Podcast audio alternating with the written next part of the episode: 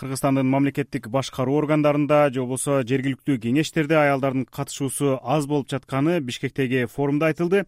Бийлик башчылары аялдардын мамлекеттеги коомдук саясий турмушка аралашуусуна кайдыгерби же кыз келиндер өздөрү пассивдүү болуп жатабы? Деги эле аялдардын коомдогу ролун көтөрүү үчүн дагы эмнелерди кылуу керек? Мына ушул жана башка маселелерди аялдардын эалал күнүнүн алдында кесиптешим бакыт орунбеков талкууга салды рахмат. Саламатсыздарбы урматтуу радио каармандар? Бүгүнкү биздин талкуубузга кыргыз республикасынын президентине караштуу башкаруу академиясынын ректору профессор алмазбек акматалиев жана роза отунбаеванын демилгес аялдар аралык фондунун аткаруучу директору доктургүл кендирбаева катышмакчы.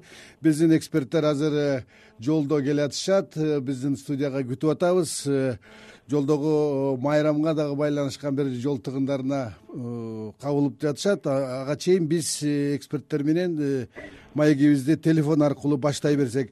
Доктургул айым саламатсызбы? Саламатсыздарбы мен эшигиңиздерге келип жетип калдым. Келе бериңиз келе бериңиз. Биз сурообузду узата берели. Алгач э, бүгүнкү майрамыңыз менен куттуктайбыз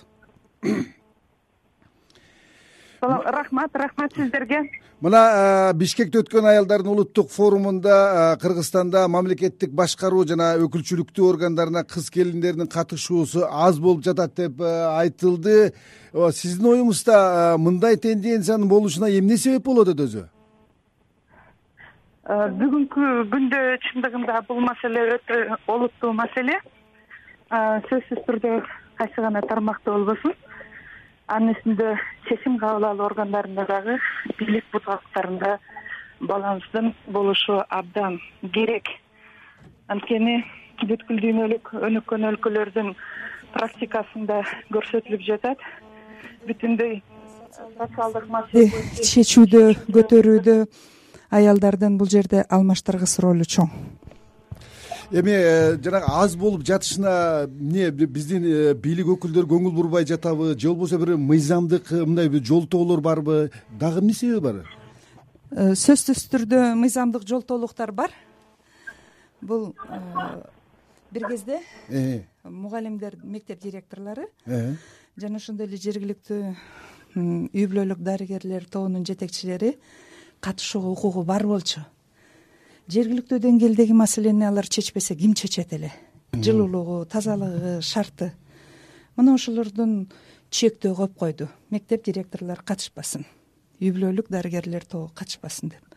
Мына ошондон таптакыр жергиликтүү кеңештерде биздин аялдардын караны такыр көрүнбөйт деп атасыз э? Ооба. Анда биз мына өткөн э, аялдардын улуттук форумунда биздин э, экс президентибиз э, розисакын отунбаеванын дагы пикирин жазып алдык эле ошону угуп көрөлү анда. Баягынкы регионалдык диалогдо тим эле кара түндөй болуп отурган эркектердин баарын көрүп чочуп да кеттик. Жалаң эркектер бир миң эки жүз эркектер мына э, туш тараптан келип басып отурушту филармонияны бүгүн премьер министр келет эле мен айтат элем ал кишинин көзүнө. Ой слушайте жапжаш премьер. Премьердин колунда ушул буйруктардын баары назначениянын баары. Жалаң эркектерди дайындайт ушундай позицияларга. Биз абдан нааразыбыз аялдар. Э кыздар бизде күч көп. Биз күчтүүбүз. Биз өзүбүз картайып баратсак да кыздарыбыз бар неберелерибиз бар ошолорду күчтүү кылып сөйлөштүргүлө бул э, экс президент э, роза отунбаеванын пикири болду. Анда биз алмаз э, мырза менен байланышсак. Алмаз мырза саламатсызбы саламатсыздар бакыт мырза мен кечирим сурайм кечирим сурайм эчтеке эмес эчтеке эмес анда сиздин пикириңизди уксак мына сиз совет заманында дагы э, демократиялык кыргызстанда дагы башкаруу системасына катышып жүргөн адамсыз. Э, сиз айтсаңыз ушу эки доорду салыштырып чындап эле азыркы учурда аялдарды башкарууга э, өкүлчүлүк органдарына биз алып келе албай жатабызбы эми э, чынында э, совет доорунда мындай жазылбаган эрежелер бар болчу. Кезде мисалы э, гендер деген сөздү деле билчү эмеспиз кезде бирок кандайдыр бир деңгээлде ошол гендердик баланс болгондой сезилет да мага. Мисалы үчүнчү секретарлар же болбосо райком партиянын же болбосо райисполкомдордун орун басарлары мына бүгүн биз сөз кылган роза исаковна дагы ошол премьер министрдин же болбосо ошол кездеги совет министринин төрагасынын орун басары болуп жүрдү. Э, ошол сыяктуу нерселер мындай айтылбай эле мүмкүн ошол партиялык чечимдер менен эле аялдарга ыйгартып койчудай сезилет да мага бүгүнкү күндө анан эми биз кыргызстан бул жагынан жакшы эле болчубуз. Тилекке каршы менин оюмча акыркы бир беш алты жылда мындай ылдый түшүп кеттик да. Биздин мыйзамдардын э, баары жакшы эле кудайга шүгүр мыйзамдар. Бирок ошол мыйзамдын алдындагы баягы орусча айтмакчы э, нормативный акты подзаконный акты дегендердин баары мисалы жакшы иштебей атат да. Мисалы жогорку кеңеште бизде квота бар да аялдардын ар бир төртүнчү э, киши башка жыныста болуш керек деген. Эми Э, башка жыныс дегенибиз негизинен баягы ар бир төртүнчү аял болсун дегенди билдирет практикада. Бирок ошол кетип атканда кандайдыр бир ички партиялык э, нерселердин арты менен эле кайра эле аял кетсе дагы эркектер келип атат да ошолордун ордуна. Ошон үчүн менин оюмча бул өтө чоң маанилүү нерсе анан дагы бир нерсе бар. Мына радикалдык э, мисалы диний агымдарга карама каршы турган э ошолордун бир ошолорго бир тоскоол кылган бөгөт койгон негизинен аялдар экен. Менин жеке пикиримде мен жеке изилдөөмдөрдүн э, жыйынтыгын айтып атам.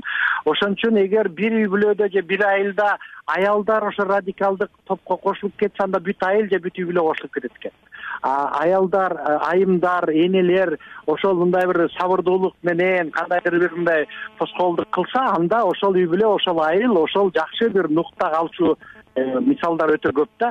Ошон үчүн бул жалаң эле саясий маселе эмес бул бул маданий маселе бул идеологиялык маселеге да айланып баратат да бара бара алмаз мырза биз менен дагы байланышта болуп туруңуз. Сизге суроолорубуз болот. Доктур кулай мына жогоруда алмаз мырза да айтты мына мыйзамдык актылардын сакталбагандыгы депчи. Бизде кыргызстанда гендердик саясатка байланышкан бир топ мыйзамдарыбыз бар да. Аткарылбайт аткарылбайт аткарылбайт деп деген сындар көп айтылат аны ким аткарбайт?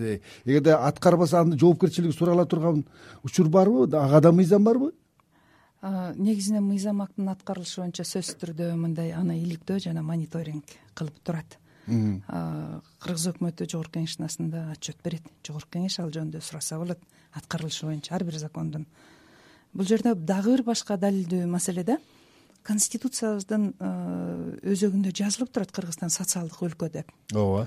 А бүтүндөй социалдык программаны социалдык тармактардын аткаруучуларынын баардыгы аялдар өтө таң калыштуу нерсе ошол аялдарга кандайдыр бир ишенбөөчүлүк бар. Мына билим берүү тармагын караңыз саламаттык сактоо тармагын караңыз бүтүндөй социалдык тейлөө кызматтарында аялдар иштейт. Бизде дүкүлдө өнүгүп кеткен реалдуу сектор жок. Мейли завод мейли фабрика болсун мейли кандай экономикалык тармакты дүкүлдөтүп эркектер башкарган жерде өнүгүп кете алган жок. Мына аялдар иштеп аткан жерде туруктуу өнүгүп атат бул жерде башка маселе. Э, союз учурунда толугу менен ар тараптуу мындай комплекстүү багыт бар болчу. Ошол эле учурда токтогон эдилбаева тогуз торо районунун жетекчиси. Ошол эле салим орозбаева балыкчы шаарынын ошол эле зуура нурматова жалал абад шаарындагы ошол эле бөпө каримовалар болгон. Бирок бүгүнкү күндө ошол аялдарды бүгүнкү күндө эч ким аял үчүн керек эмес аялдардын кызматка келгеничи. Бул коомдун бирдей өнүгүшүндө паритеттик тең тараптык салмактуулукту сактап турууда бул сөзсүз түрдө мамлекет мындай моделдик же болбосо үлгүлөрдү түзүүсү керек.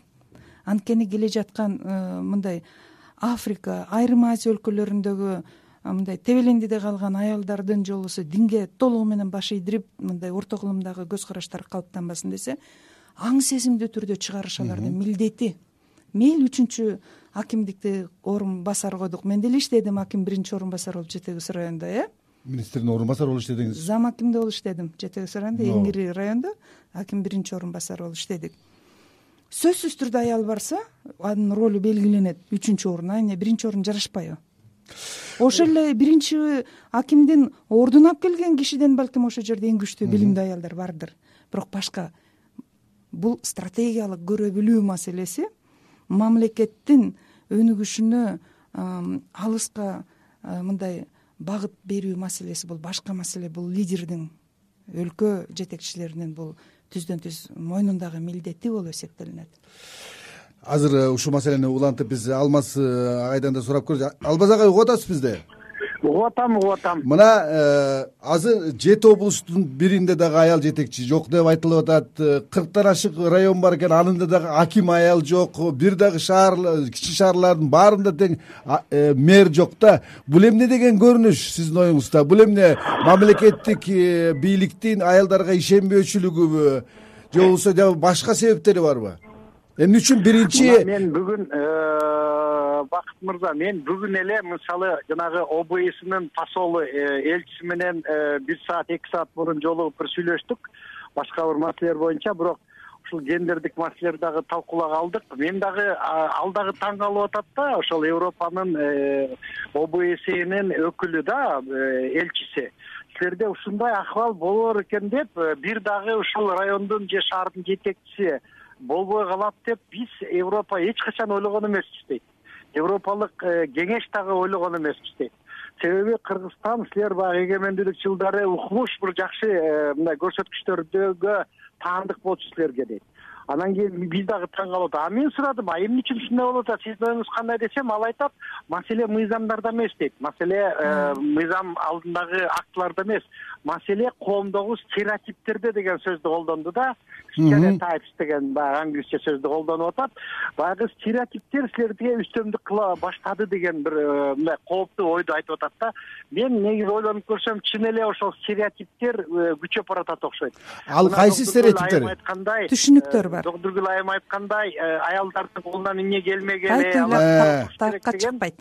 нерсе дагы үстөмдүк кыла баштады. Бул менин жеке пикиримде бул абдан туура эмес кыргыздын аялдарынын айымдарынын тарыхый ролуна тескери келген э, өрнөк деп эсептейм. Бүгүнкү күндө дүйнөдө аялдар мына жасалма э, интеллекттер кирип атпайбы э иштерип ооба.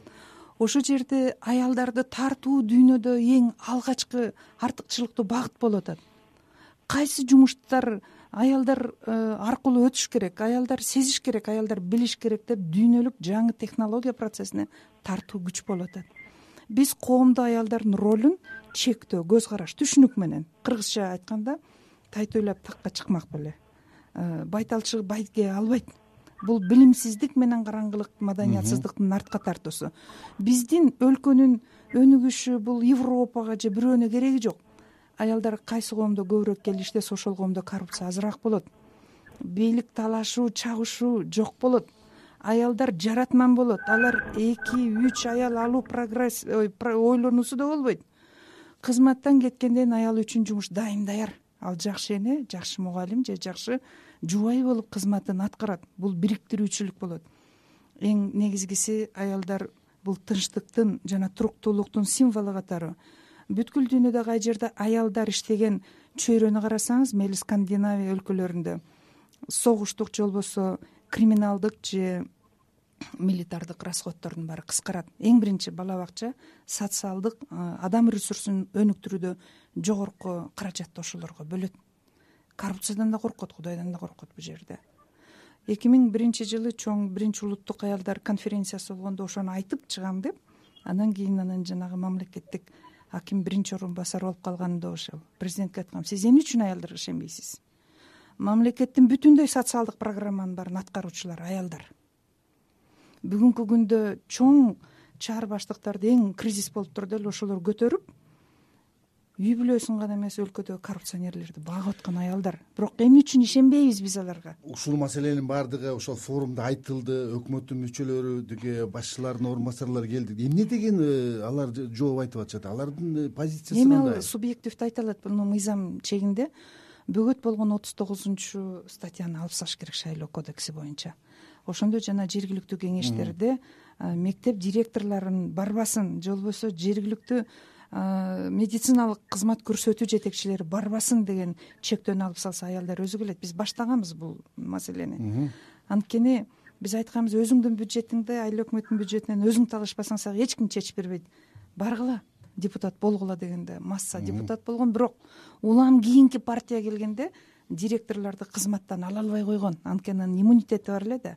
Мына ошондо андай болсо мындай деди дагы законго чектөө киргизип койду.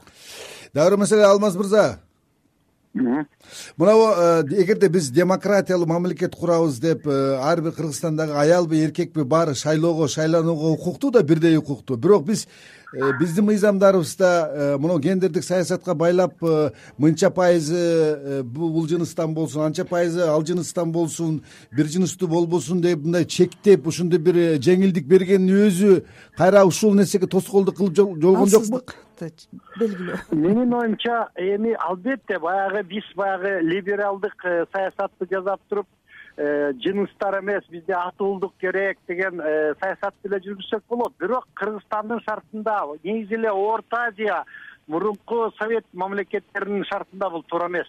Мамлекет кийлигишиш керек менин оюмча ошон үчүн мен жана айтпадымбы бир убакта жакшы эле э, ситуация болуп калган кудайга шүгүр. Бирок биз кандайдыр бир позицияларды жоготуп идик акыркы алты жети жылда. Ошон үчүн мен сунуш кылар элем азыр жогорку кеңештин деңгээлинде мындай гендердик э, теңчилик боюнча атайын бир талкуу болуш керек.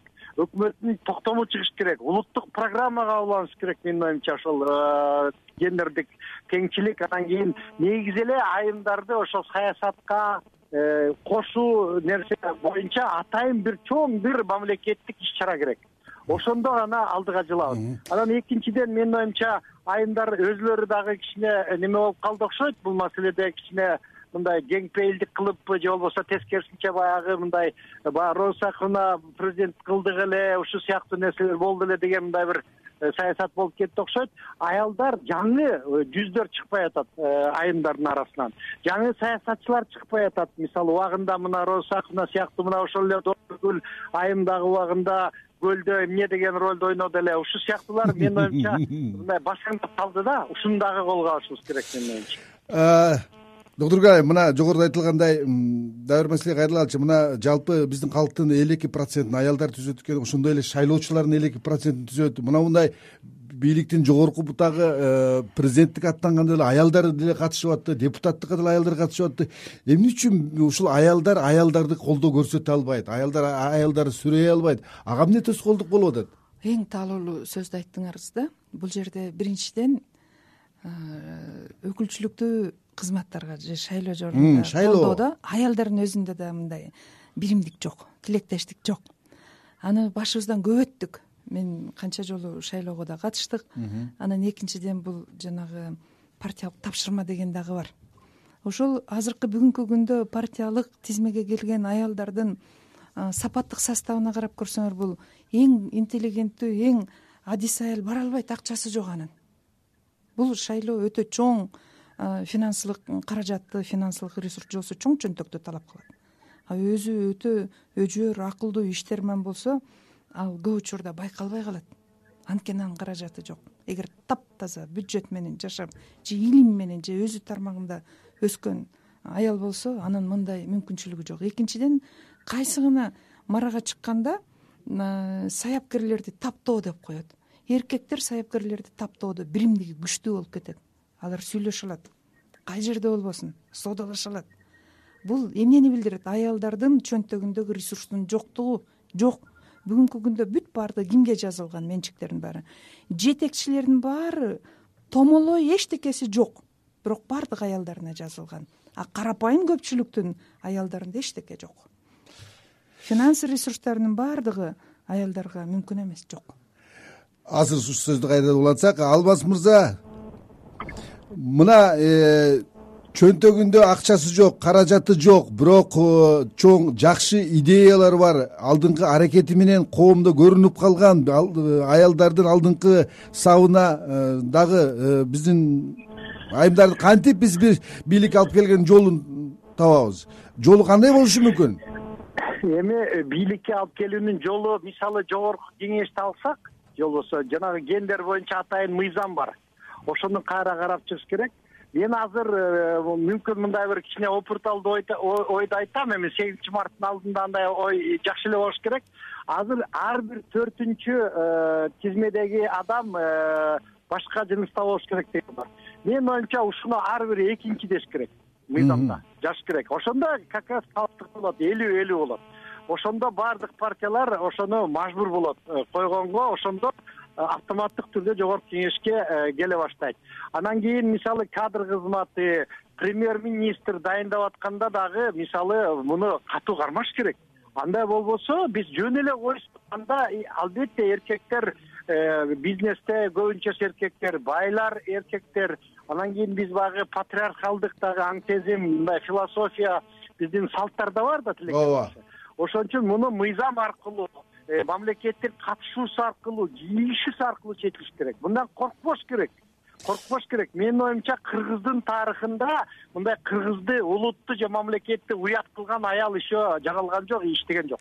Туп туура ар бир мамлекеттин тагдыры колунда турган жетекчи мейли аялбы мейли эркекпи бир гана принципти эске алыш керек. Мамлекеттик кызмат көрсөтүүдө мамлекеттин кызыкчылыгы биринчи орунда болуш керек. Ал ишке аны ишке ашырууда аял дагы эркек дагы бирдей аткарат. Дүйнөдө бир да статистика жок. Аял иштеген жерде жаман болуптур же эркек иштеген жерде жаман болуптур деп. Бирок факты бар. Аялдын ийгиликтери ар дайым болгон боло берет. Бизге чейин дагы бизге азыр дагы эртең дагы. Кыргызстанды кыймылдатпай эң өткөрүлүү мезгилде көпүрөдөй болуп даалысын төшөп өткөрүп кеткен аял заты болгон. Эркектер заводдор урады өндүрүштөр токтоду чоң чарбалар жок болду депрессия мектепти да таштап кетти. Мына биз өзүбүз ошондо э? Мына ошондо былк этпей туруп аялдар көтөрдү. Бүт өлкөнүн өнүгүшүндө тарыхый салымы бар саясий салымы бар. Аны эч ким жокко чыгарганга акысы жок. Бул жерде кыздар дагы аракет кылыш керек. Бирок кыздардын аракетине социалдык лифт кандай болуш керек? Негиздүү далилдүү ай мен билимдүү болсом жетет экенмин иштесем жетет экенмин деген баалуулук болуш керек.